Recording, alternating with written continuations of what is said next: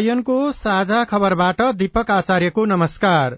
साझा खबर देशभरिका सामुदायिक रेडियो सीआईएनको फेसबुक पेज र मोबाइल एप सीआईएनबाट सुन्न सकिन्छ।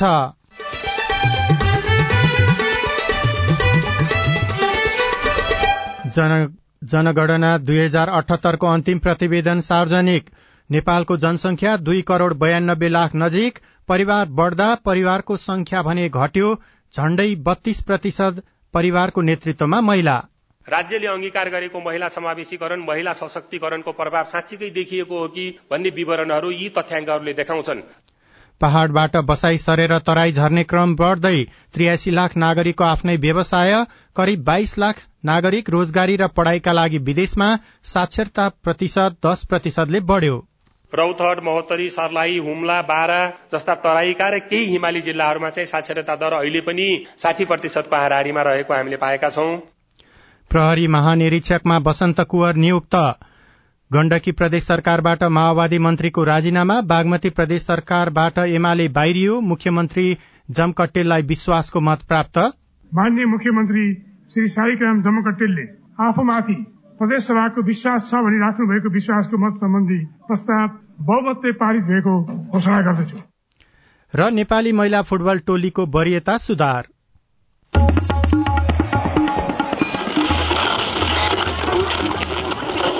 सयौं रेडियो। हजारौं रेडियो कर्मी र करोड़ौं नेपालीको माझमा यो हो सामुदायिक सूचना नेटवर्क सीआईएन सरकारी कर्मचारीको व्यवहार नागरिक मैत्री बनाउने र सेवा प्रवाह प्रक्रियालाई पारदर्शी बनाउने भन्ने प्रतिबद्धता हरेक सरकारले व्यक्त गर्ने गर्दछन्। यो सरकारले पनि व्यक्त गरेको छ। तर सरकारी सेवा प्रवाहमा ढिलासुस्ती अनियमितता घट्नु त कता कता अनियन्त्रित तवरले बढ़दै गएको छ। सबै स्वार्थ त्यागेर सार्वजनिक कार्य सम्पादनमा सुधार ल्याउन सक्ने सरकारले नै जनमत प्राप्त गर्न सक्छ। अब खबर सुशीला श्रेष्ठबाट। नेपालको जनसंख्या दुई करोड़ एकानब्बे लाख चौसठी हजार पाँच सय अठहत्तर पुगेको छ। राष्ट्रिय तथ्याङ्क कार्यालयले आज सार्वजनिक गरेको बाह्रौं जनगणना दुई हजार अठहत्तरको अन्तिम र विस्तृत प्रतिवेदनमा नेपालमा एक करोड़ बयालिस लाख त्रिपन्न हजार पाँच सय एकाउन्न अर्थात अड़चालिस दशमलव नौ आठ प्रतिशत पुरूष र एक करोड़ उनपचास लाख एघार हजार सत्ताइस अर्थात एकानब्बे दशमलव शून्य दुई प्रतिशत महिला छन्। अन्य लिङ्गीको संख्या दुई हजार नौ सय अठाइस रहेको छ। यसअघि दुई हजार अठहत्तर माघ बाह्रमा कार्यालयले नेपालको जनसंख्या दुई करोड़ एकानब्बे लाख बयानब्बे हजार चार सय अस्सी रहेको प्रारम्भिक प्रतिवेदन सार्वजनिक गरेको थियो। विस्तृत र अन्तिम प्रतिवेदनमा सत्ताइस हजार नौ सय दुई कम देखिएको कार्यालयका उपमहानिर्देशक हेमराज रेग्मीले बताउनुभयो। बाह्रौं चरणको राष्ट्रिय जनगणना हामीले विक्रम सम्बत दुई हजार अठहत्तर सालको कार्तिक महिनाको पच्चीस गतेदेखि मंगिर महिनाको नौ गतेसम्म सम्पन्न गर्यौं करिब पन्ध्र दिनको अवधि लाएर गणना गर्यौं विक्रम सम्बत दुई हजार अठहत्तर साल मंगिर महिनाको नौ गतेको मध्याह बाह्र बजेको समयमा नेपालमा करिब दुई करोड़ एकानब्बे लाख चौसठी हजार पाँच सय अठहत्तर जना मानिसहरू बसोबास गर्छन् भनेर हामीले थाहा पायौं। जुन अघिल्लो दशकको तुलनामा विक्रम सम्बत दुई हजार अडसठी सालमा हामीले सम्पन्न गरेको जनगणना भन्दा झण्डै छब्बीस सत्ताइस लाखले बढ़ियो। सबैभन्दा धेरै जनसंख्या भएको जिल्ला काठमाण्डुमा बीस लाख एकचालिस हजार पाँच सय सतासी जना छन् भने सबैभन्दा कम जनसंख्या भएको जिल्ला मनाङमा पाँच हजार छ सय पचासी जना मानिस छन्। सबैभन्दा बढ़ी वृद्धि दर भक्तपुर जिल्लामा देखिएको छ। रामेछाप जिल्लामा भने सबैभन्दा बढ़ी घटेको देखिएको छ। प्रतिवेदन अनुसार अहिले नेपालमा छैसठी लाख छैसठी हजार नौ सय सैतिस परिवार छन् जसमध्ये एकल छैसठी लाख साठी हजार आठ सय एकचालिस र संयुक्त परिवार छ हजार छयानब्बे जना रहेका छन्। परिवारका सदस्यको संख्या भने घटेको देखिएको छ तर एकतीस दशमलव पचपन्न प्रतिशत परिवारको नेतृत्व भने महिलाले गरेका छन्। पचहत्तर लाख घर परिवार मध्ये करिब छैसठी लाख छैसठी हजार परिवारहरू रहेका र त्यसमध्ये झण्डै एक्काइस लाख परिवार मूलीहरू महिला रहेका छन्। राज्यले अंगीकार गरेको महिला समावेशीकरण महिला सशक्तिकरणको प्रभाव साँच्चीकै देखिएको हो कि भन्ने विवरणहरू यी तथ्याङ्कहरूले देखाउँछन्। झण्डै एकतीस प्रतिशत भन्दा पनि बढ़ी परिवारहरूको मूली अहिले महिला मूलीको रूपमा हुनुहुन्छ। जुन दश वर्षभन्दा अगाडि करिब पच्चीस प्रतिशत मात्रै थियो। जनगणनाको नतिजा अनुसार एघार दशमलव आठ प्रतिशत परिवारमा महिलाको नाउँमा घर र जग्गा दुवै रहेको देखिएको छ। त्यस्तै महिलाको नाममा जग्गा मात्र भएका परिवार नौ दशमलव सात प्रतिशत रहेको छ। जनगणनाको नयाँ तथ्याङ्क अनुसार सत्र प्रतिशत क्षेत्रफल भएको तराईमा झण्डै चौवन्न प्रतिशत मानिस बसोबास गरिरहेका छन्। दुई हजार अडसठी सालको जनगणनाको तुलनामा हिमाल र पहाड़मा मानिस घट्ने र तराईमा बढ़ने क्रम बढ़ेको छ। पहाड़ी क्षेत्र धेरै भएका गण्डकी कर्णाली र सुदूरपश्चिम प्रदेशको जनसंख्या घटेको छ। दश वर्ष अघिको तुलनामा गण्डकीको जनसंख्या शून्य दशमलव छ एक सुदूरपश्चिमको जनसंख्या शून्य दशमलव तीन नौ र कर्णालीको जनसंख्या शून्य दशमलव एक चार प्रतिशतले घटेको छ। यसरी घटेको जनसंख्या तराई र शहरी क्षेत्रमा थुप्रिएको छ। प्रदेशगत रूपमा हेर्दा बागमती र मध्य प्रदेशमा करिब एक्काइस एक्काइस प्रतिशत लुम्बिनीमा सत्र दशमलव पाँच छ प्रतिशत कोशीमा सत्र प्रतिशत सुदूरपश्चिम प्रदेशमा नौ दशमलव दुई चार प्रतिशत गण्डकीमा आठ दशमलव चार छ र सबैभन्दा कम कर्णाली प्रदेशमा पाँच दशमलव सात नौ प्रतिशत नागरिक छन्। दश वर्षमा साढे उन्नाइस प्रतिशत नागरिकले जन्मस्थान छोडेर अर्को जिल्लामा सरेका छन्। मान्छेहरूले कुनै न कुनै कारणले बसाई सराई गर्नुभएको छ। बसिराखेको पालिकाबाट अन्यत्र जानुभएको छ कुनै अर्को पालिकामा जानु भएको छ कुनै अर्को जिल्लामा जानु भएको छ कुनै विदेश जानु भएको छ। र एउटा इन्ट्रेस्टिङ विषय चाहिँ के छ भनेदेखि बसाई सराईका कारणहरू मध्येको सबैभन्दा प्रमुख कारण अझै पनि विवाह नै छ। धेरै जसो मानिस अर्को व्यक्तिमा आश्रित भएर थाथलो छोडेको पाइएको छ। पन्ध्र दशमलव दुई प्रतिशत मानिस कामका लागि आफू बसिरहेको स्थान छोड्नुपर्ने बाध्यतामा रहेको तथ्याङ्कले देखाएको छ। व्यापार अध्ययन र प्राकृतिक विपत्तिका कारण बसाई सर्नेहरू दश लाखको हाराहारीमा छन्। यस्तै दश वर्षमा छत्तीस हजार जना कृषि कर्मका लागि बसाई सरेका छन्। देशका अडसठी प्रतिशत नागरिक जन्मेको ठाउँबाट कतै बसाई सरेका छैनन् तर बत्तीस प्रतिशत नागरिक भने एक ठाउँबाट अर्को ठाउँ सरिरहन बाध्य रहेको नयाँ जनगणनाले देखाएको छ। नेपालको सन्दर्भमा रोजगारी र जीविकोपार्जन आन्तरिक बसाई सराईको सबैभन्दा मुख्य कारण रहेको पाइएको जनसंख्या अध्ययनका प्राध्यापक डाक्टर गोविन्द सुवेदी बताउनुहुन्छ। प्रधानमन्त्री स्वरोजगार कार्यक्रम भन्नुहोस् न एउटै उदाहरण लिउँ। यत्रो के अरे पैसा खर्च गरिरहेको तर उसले इम्प्लोइमेन्ट जेनेरेसनै गर्न सकिरहेको अवस्था छैन। मान्छेहरू त्यहाँ अडिने ठाउँ सय दिनको मिनिमम सय दिनको लागि इम्प्लोइमेन्ट जेनेरेट गर्नु पर्नेमा बिस दिन पनि उसले एक वर्षमा इम्प्लोइमेन्टै जेनेरेट गर्न सक्दैन क्या। भइरहेको भन्दा राम्रो अवसर र जीवनस्तरको खोजीमा मानिस एक ठाउँबाट अर्को ठाउँमा सर्ने गर्छ। तर गाउँबाट शहरमा र पहाड़बाट तराईमा हुने बसाई सरायको सन्तुलन नहुँदा देशको समग्र विकास नै प्रभावित हुने जनसंख्याविद बताउँछन्। अविनाश आचार्य सीआईएन काठमाडौँ। जनगणनाले करिब बाइस लाख नागरिक विदेशमा रहेको देखाएको छ। पन्ध्र लाख पचपन्न हजार नौ सय एकसठी परिवारका कोही न कोही सदस्य विदेशमा रहेको देखिएको हो। त्यसमा एक्काइस लाख नब्बे हजार पाँच सय बयानब्बे जना परिवारमा अनुपस्थित रही विदेशमा बसेको तथ्याङ्क कार्यालयले जनाएको छ। अठार वर्ष मुनिका बालबालिकाको जनसंख्या कुल अन्ठानब्बे लाख उनासत्तरी हजार पाँच सय त्रियासी जना देखिएको छ। यी मध्ये सात दशमलव नौ प्रतिशत बालबालिकाहरू आमा बाबु दुवैसँग बस्ने गरेका छन्। आमासँग मात्र बस्ने बालबालिका सत्र दशमलव एक प्रतिशत रहेका छन्। बाबुसँग मात्र बस्ने बालबालिका एक प्रतिशत र अन्य नातेदारसँग बस्ने बालबालिकाको संख्या तीन प्रतिशत रहेको प्रतिवेदनमा उल्लेख छ।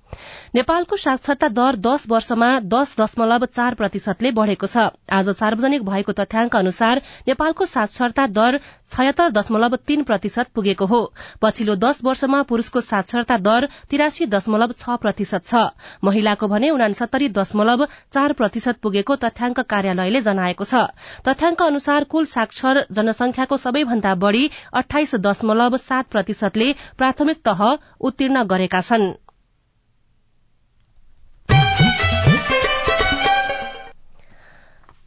साझा खबरमा अब खेल खबर। नेपालले फिफा महिला वरियतामा सुधार गरेको छ। विश्व फुटबलको सर्वोच्च निकाय फिफाले आज सार्वजनिक गरेको नयाँ वरियतामा नेपालको वरियता सुधार भएको हो। नेपालको वरियता तीन स्थान सुधार भएको हो। नयाँ वरियतामा नेपाल एक सय औ स्थानमा उक्लिएको छ।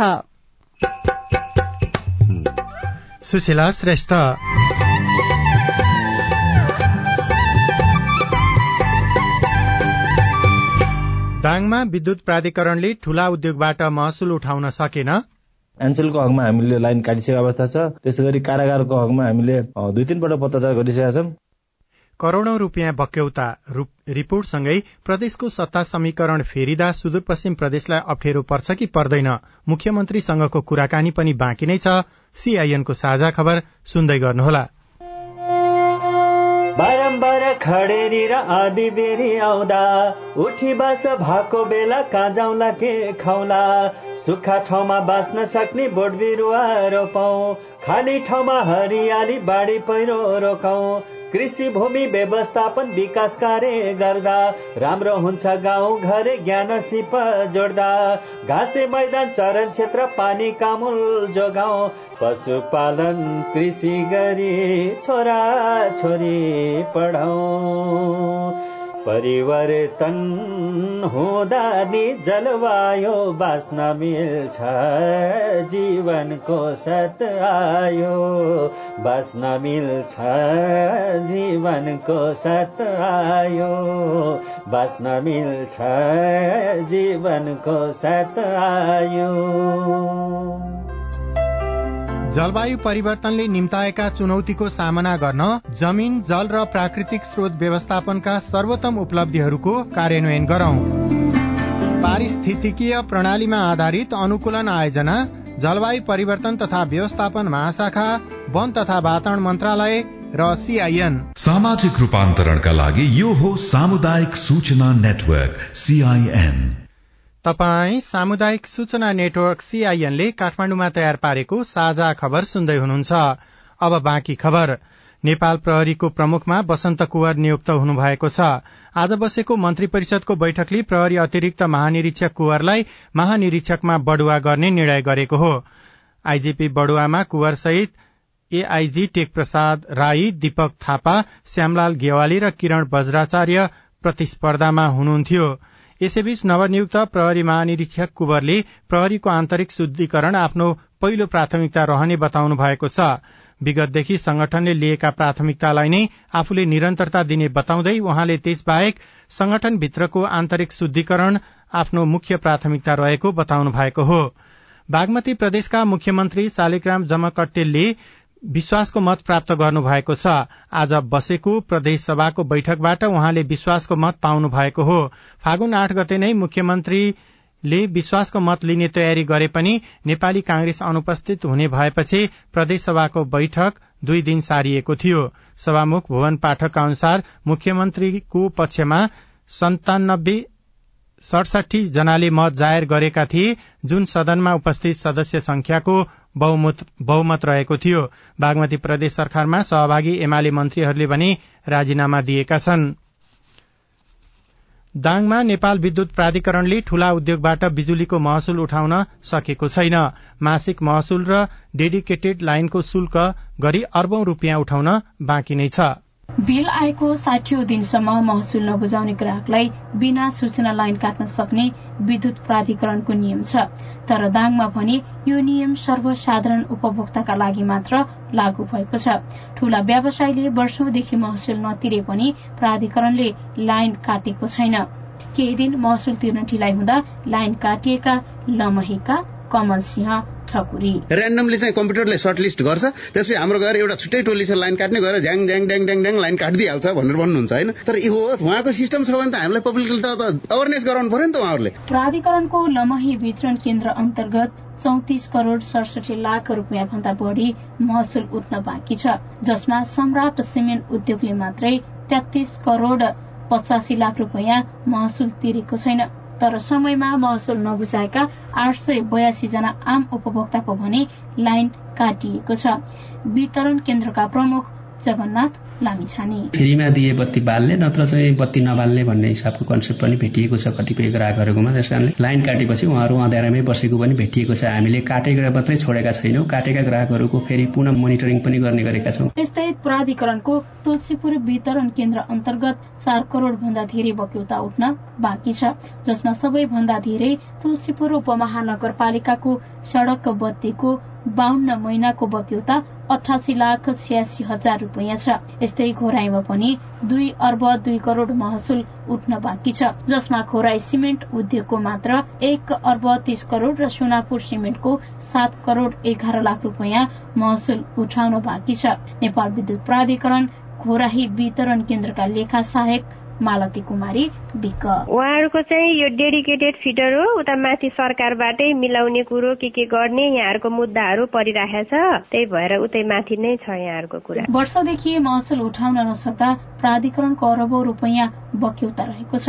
ठूला उद्योगबाट महसुल उठाउन प्राधिकरणले के गरिरहेको छ त? तुलसीपुर वितरण केन्द्रका प्रमुख ज्ञान बहादुर फड्साल तुलसीपुर उपमहानगरपालिकाको हकमा हामीले इलाका प्रशासन इलाका प्रहरी कार्यालय मेयर उपमेयर उन्नाइसवटा वडा अध्यक्षको सहित एउटा टिमहरूसँग छलफल गर्नुपर्छ भन्ने कुरा आएको छ। एनसेलको हकमा हामीले लाइन काटिसकेको अवस्था छ। त्यसै गरी कारागारको हकमा हामीले दुई तिनपल्ट पत्रचार गरिसकेका छौँ। प्राधिकरणले ठूला उद्योगको करोडौं महसुल उठाउन नसक्दा प्राधिकरणको नियम सानालाई ऐन ठूलालाई चयन भने जस्तै भएको उपभोक्ताको गुनासो छ। रमा नेपाली सीआईएन रेडियो हाम्रो पहुँच तुलसीपुर दाङ।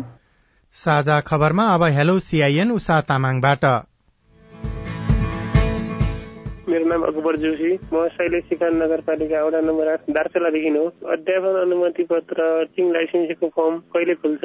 प्रश्नको लागि तपाईँलाई धन्यवाद। शिक्षक सेवा आयोगको वार्षिक कार्यतालिका अनुसार चैत र वैशाख महिनाभित्र अध्यापन अनुमति पत्रको विज्ञापन गर्ने व्यवस्था छ। सोही कार्यतालिका अनुसार परीक्षा सञ्चालन हुनेछ। धनगढ़ीबाट मिनु भट्टले आफूले फाइनान्स विषयमा बीबीएस तह उत्तीर्ण गरेको र माध्यमिक तहको अध्यापन अनुमति पत्र लिन पाइने कि नपाइने भनेर सोध्नु भएको छ। मेनुजी तपाईँको प्रश्न हामीले शिक्षक सेवा आयोगका सूचना अधिकारी सुदर्शन मरहट्टालाई सुनाएका छौं।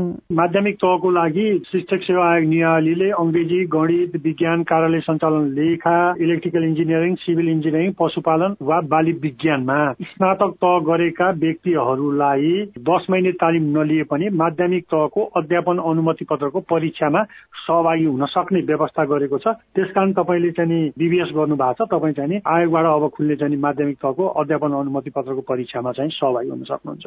पर्वतबाट राजन सुवेदी बोल्दैछु। सोसियल सेक्युरिटी स्किम घोषणा गरेको छ। योमा आबद्ध हुनको लागि विदेशमा रोजगार गरेको अथवा अब विदेशमा जाने तयारीमा रहेका मान्छेहरूले कुन निकायमा गएर सम्पर्क गर्नुपर्छ? कुन कुन कागजहरूको आवश्यकता पर्दछ?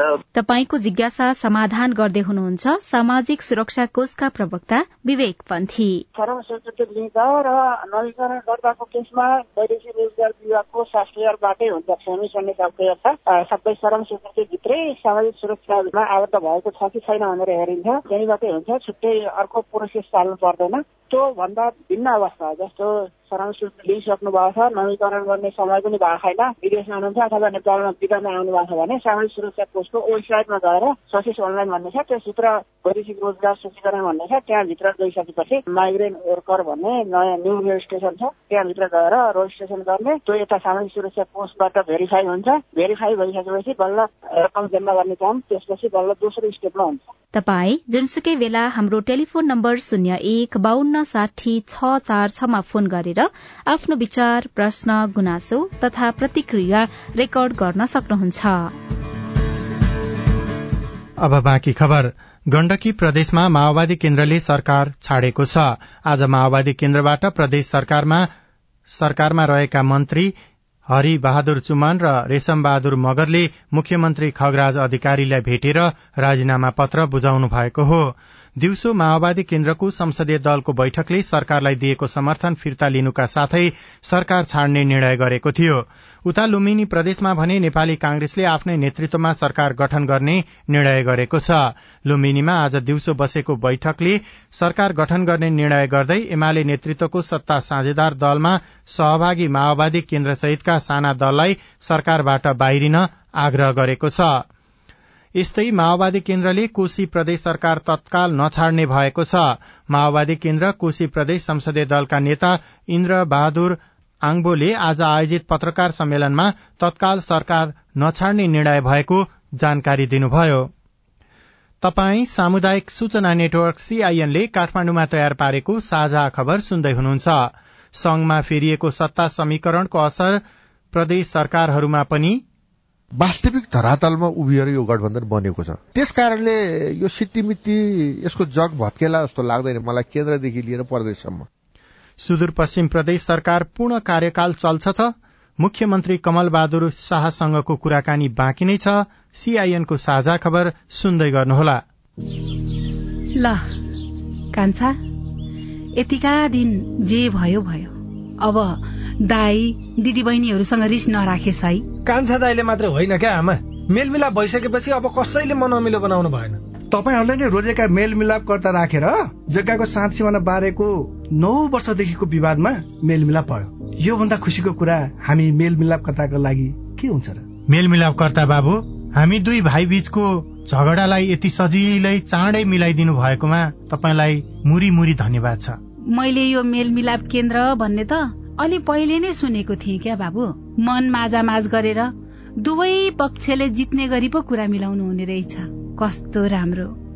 मनमुटाप गर्नेहरूलाई अबदेखि यो मेलमिलाप केन्द्रमै जाऊ भन्छु म चाहिँ। सुन्नुहोस् आमा। सरकारी सामुदायिक र सार्वजनिक बाहेक जग्गा सम्बन्धी विवाद गाली बेजती लुटपिट सहित विभिन्न एघार प्रकारका विवाद हरेक वडामा रहेका मेलमिलाप केन्द्रबाट मिलापत्र गराउन सकिन्छ नि आमा। कस्तो राम्रो। अनि हरेक वडामा यस्ता मेलमिलाप केन्द्र छन् त बाबु? छन् नि आमा किन नहुनु? कुनै कुनै वडामा दुई वा त्यसभन्दा धेरै पनि छन्। विवादका पक्ष र विपक्षका व्यक्तिले चाहेको मेलमिलाप केन्द्रबाट निकास खोज्न सकिन्छ। वडाको मेलमिलाप केन्द्रबाट विवाद समाधान भएन भने नि आमा। हजुर। पालिकाको न्यायिक समितिले पनि विवाद समाधानका लागि छलफल गराउन सक्छ। आहा। यति भएपछि त गाउँघरको झगडा गाउँमै हाँसी खुसीका साथ मिल्ने भइहाल्यो नि होइन त? हो नि आमा। अस्ट्रेलिया सरकार र द एसिया फाउन्डेशनको साझेदारीमा सञ्चालित स्थानीय सरकार सबलीकरण कार्यक्रम र अकोराब नेपाल। सामाजिक रूपान्तरणका लागि यो हो सामुदायिक सूचना नेटवर्क सीआईएन तपाई सामुदायिक सूचना नेटवर्क सीआईएनले काठमाडौँमा तयार पारेको साझा खबर सुन्दै हुनुहुन्छ। चुनावपछि अस्वाभाविक रूपमा सत्ताको दौड़बाट बाहिरिएको नेपाली कांग्रेस सुदूरपश्चिम प्रदेशबाट सरकारमा फर्कियो। हाल संघमा पनि कांग्रेस सरकारमा जाने तयारीमा छ अनि एमाले नेतृत्वका प्रदेश सरकार विघटनको संघारमा छन्। कांग्रेसको नेतृत्वमा सरकार गठन हुने सम्भावना बढ़ी देखिएको छ। सत्ता समीकरणको फेरबदलको प्रस्थान बिन्दु मानिएको सुदूरपश्चिममा मुख्यमन्त्री बनेका कमल बहादुर शाहलाई साथी राजन रुचालले सोच्दै सोच्दै नसोचेको मुख्यमन्त्री पाउनुभयो नि होइन? भनेर सोध्नु भएको छ।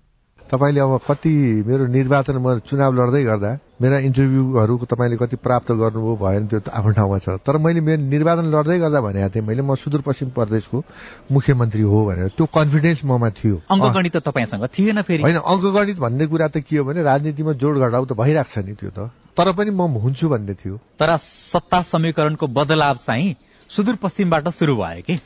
सत्ता समीकरणको बदलाव भन्दा पहिले म मुख्यमन्त्री भयो नि त। विश्वासको मत लिने कुरामा स्वाभाविक रूपमा यसले प्रभाव पार्यो असर गर्यो होइन? तर मुख्यमन्त्री त्योभन्दा पहिले भएको हो नि त। त्यही त त्यसको सुरुवातै बिजारोपण नै त्यहीँबाट भयो भन्न खोजे मैले। यति त म नभनौ।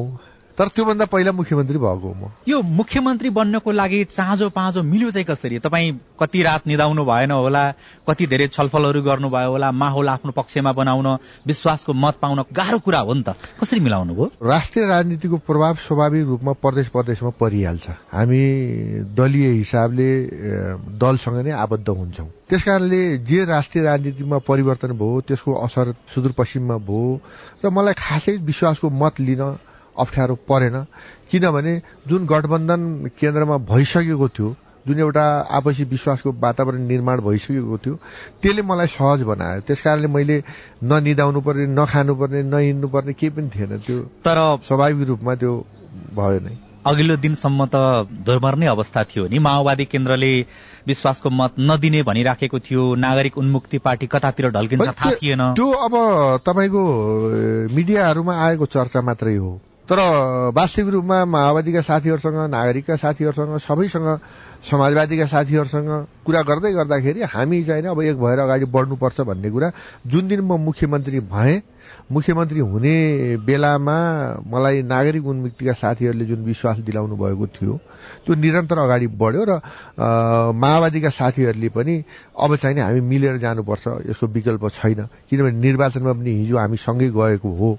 जनतालाई पनि हामीले पाँच वर्षसम्म सरकार दिन्छौँ स्थिर सरकार दिन्छौँ विकास गर्छौँ भनेको त्यस कारणले काङ्ग्रेस माओवादी समाजवादी मिलेर जानुपर्छ भन्ने कुरा हरेक कार्यकर्तामा थियो त्यो। अब तपाईँको मुख्यमन्त्री पदको कुरा गर्दा कुर्सीको कुरा गर्दाखेरि चाहिँ यो कति बलियोसँग दरिलोसँग बसेको छ? यो हल्लाउँदाखेरि सानोतिनो हावाले हुरीले सानोतिनो बदलावले हलिन्छ कि हलिँदैन? अब सुदूरपश्चिममा त दुई तिहाई भन्दा बढी मत प्राप्त गरेको छु मैले। त्यस कारणले गर्दाखेरि सानोतिनो हावाले हल्लाउला जस्तो मलाई लाग्दैन। तैपनि अब राष्ट्रिय राजनीतिमा कति बेला के हुन सक्छ हुन्छ भन्ने कुरा त भन्न सकिन्न। तर आज जुन गठबन्धन बनेको छ एउटा विश्वासका साथ म तपाईँलाई के भन्छु भने आजको गठबन्धन जुन बनेको छ यो वास्तविक धरातलमा उभिएर यो गठबन्धन बनेको छ। त्यस कारणले यो सिट्टिमिट्टी यसको जग भत्केला जस्तो लाग्दैन मलाई केन्द्रदेखि लिएर प्रदेशसम्म। तपाईँले पाँच वर्षसम्म दिगो सरकारको कुरा गर्नुभयो। तर माओवादीका कतिपय नेताले के भन्छन् भने बदलाव हुँदै गर्दाखेरि चाहिँ समीकरण त बदलिँदैन तर कुर्सीमा बस्ने मान्छे चाहिँ फेरिन्छ। मुख्यमन्त्रीको रूपमा माओवादीबाट कोही व्यक्ति चाहिँ बीचमा आउन सक्ने सम्भावना छ पनि भन्छन्। त्यो त हेर्नुहोस् गठबन्धनमा जाँदै गर्दा त्यो त स्वाभाविक प्रक्रिया हो। त्यसलाई अस्वाभाविक मान्नु हुँदैन। किनभने पात्र परिवर्तन हुन सक्छन्। म आफै पनि मुख्यमन्त्री पाँच वर्षको लागि नहुन सक्छु होइन? त्यस कारणले गठबन्धनमा दलहरू सबैलाई मिलाएर लैजाने सन्दर्भमा पात्र परिवर्तन हुने कुरा त्यो स्वाभाविक हो जस्तो लाग्छ मलाई। तपाईँले चाहिँ विश्वासको मत लिनुभन्दा अगाडि माओवादी केन्द्रसँग त्यो खालको सम्झौता केही गर्नु भएको छ लिखित मौखिक? मैले विश्वासको मत लिँदै गर्दा है सत्ता बाँडफाँडका सन्दर्भमा कुनै तहको छलफल भएको छैन। र हाम्रा बीचमा एउटा कुरा प्रश्न के थियो भने केन्द्रमा राष्ट्रपतिको निर्वाचनपछि उपराष्ट्रपतिको निर्वाचनपछि केन्द्रीय तहको नेताहरूले छलफल गर्नुहुन्छ समग्र प्रदेशका बारेमा। उहाँहरूले नै निर्णय लिनुहुन्छ भन्ने कुरामा हामी विश्वस्त थियौँ र त्यही विश्वासमा हामी अगाडि बढेका छौँ। भोलि केन्द्रले चाहिँ दुई वर्ष पछाडि तपाईँले मुख्यमन्त्री छोडिदिनु पर्यो। माओवादीको साथीहरूलाई दिनु पर्यो। अरू अरू प्रदेशमा पनि त्यसरी नै हामीले बदल्नु पर्यो भन्ने स्थिति भयो भनेदेखि त्यति बेला तपाईँले त्यसमा मलाई केही छैन। किनभने हाम्रो सरकार दिगो चल्नु पर्यो। हाम्रो सरकार भने यो गठबन्धनको सरकार पाँच वर्ष चल्नु पर्यो भन्ने मान्यतामा म छु। त्यसमा म प्रष्ट छु। मुख्यमन्त्रीहरूलाई भेट्ने सिलसिला जारी छ। त्यही क्रममा कोशी प्रदेशका मुख्यमन्त्री हिक्मत कुमार कार्कीसँग भेटेको थिएँ। उहाँले चाहिँ प्रधानमन्त्रीज्यूले वास्ता गर्नु भएको छैन संघ सरकारले प्रदेश सरकारलाई वास्ता गरेको छैन। हामी चाहिँ फरक पार्टीको विपक्षीय पार्टीको भएको कारणले वास्ता नगरे हो कि भने जस्तो कुरा गर्नुभयो। तर त्यति नै बेला तपाईँ चाहिँ फेरि बालुवाटारमा हुनुहुन्थ्यो प्रधानमन्त्रीसँग भेटघाटमा हुनुहुन्थ्यो। यो खास आफ्नो पार्टी फरक पार्टी सत्ता पक्ष विपक्ष भन्ने पनि हुन्छ संघ सरकारले त्यसरी व्यवहार गर्दा? यस्तो छ सुन्नुहोस् न। कसले कहाँ के भन्छ त्यो कुरा आफ्नो ठाउँमा छ। र प्रदेश संरचनालाई बलियो बनाउनु पर्छ भन्ने मान्यतामा हाम्रो अहिलेका प्रधानमन्त्री पनि प्रष्ट हुनुहुन्छ होइन? हाम्रो आदरणीय नेता पूर्व प्रधानमन्त्री शेरबहादेव पनि प्रष्ट हुनुहुन्छ। त्यस कारणले हामीलाई लाग्छ इग्नोर गरेको केन्द्रीय सरकारले अहिले नै अहिलेको सरकारले प्रदेश संरचनालाई नपत्याएको विश्वास नगरेको होइन। केही कुराहरू ढिला सुस्ती भएका हिजोका दिनमा भएका थिए। अब त्यसलाई एउटा गति दिनुपर्छ र त्यो मान्यतामा अगाडि बढ्नुपर्छ भन्नेमा हामी पनि छौं प्रधानमन्त्री स्वयं पनि हुनुहुन्छ। सुदूरपश्चिमका मुख्यमन्त्री कमल बहादुर शाह प्रदेशलाई बलियो बनाउनु पर्ने बताउँदै। नेपालको जनसंख्या दुई करोड़ एकानब्बे लाख चौसाठी हजार पाँच सय अठहत्तर पुगेको छ। नेपालको साक्षरता दर दश वर्षमा दश दशमलव चार प्रतिशतले माथि उक्लिएको छ। प्रधानमन्त्री पुष्पकमल दाहाल प्रचण्डले तथ्याङ्कको गुणस्तर अभिवृद्धि गरी नियमित रूपमा तथ्याङ्कको आपूर्ति हुने व्यवस्था मिलाउन जरूरी रहेको बताउनु भएको छ। नवनियुक्त प्रहरी महानिरीक्षक वसन्त कुवरले प्रहरीको आन्तरिक शुद्धिकरण आफ्नो प्राथमिकता रहेको बताउनु भएको छ। बागमती प्रदेशका मुख्यमन्त्री शालिग्राम जमकट्टीले विश्वासको मत प्राप्त गर्नु भएको छ। लुम्बिनी प्रदेशमा भने नेपाली कांग्रेसले आफ्नै नेतृत्वमा सरकार गठन गर्ने निर्णय गरेको छ र नेपालले फिफा महिला वरियतामा सुधार गरेको छ। अवस्था आजलाई साझा खबरको समय सकियो। प्राविधिक साथी सुनिल राज भारतलाई धन्यवाद।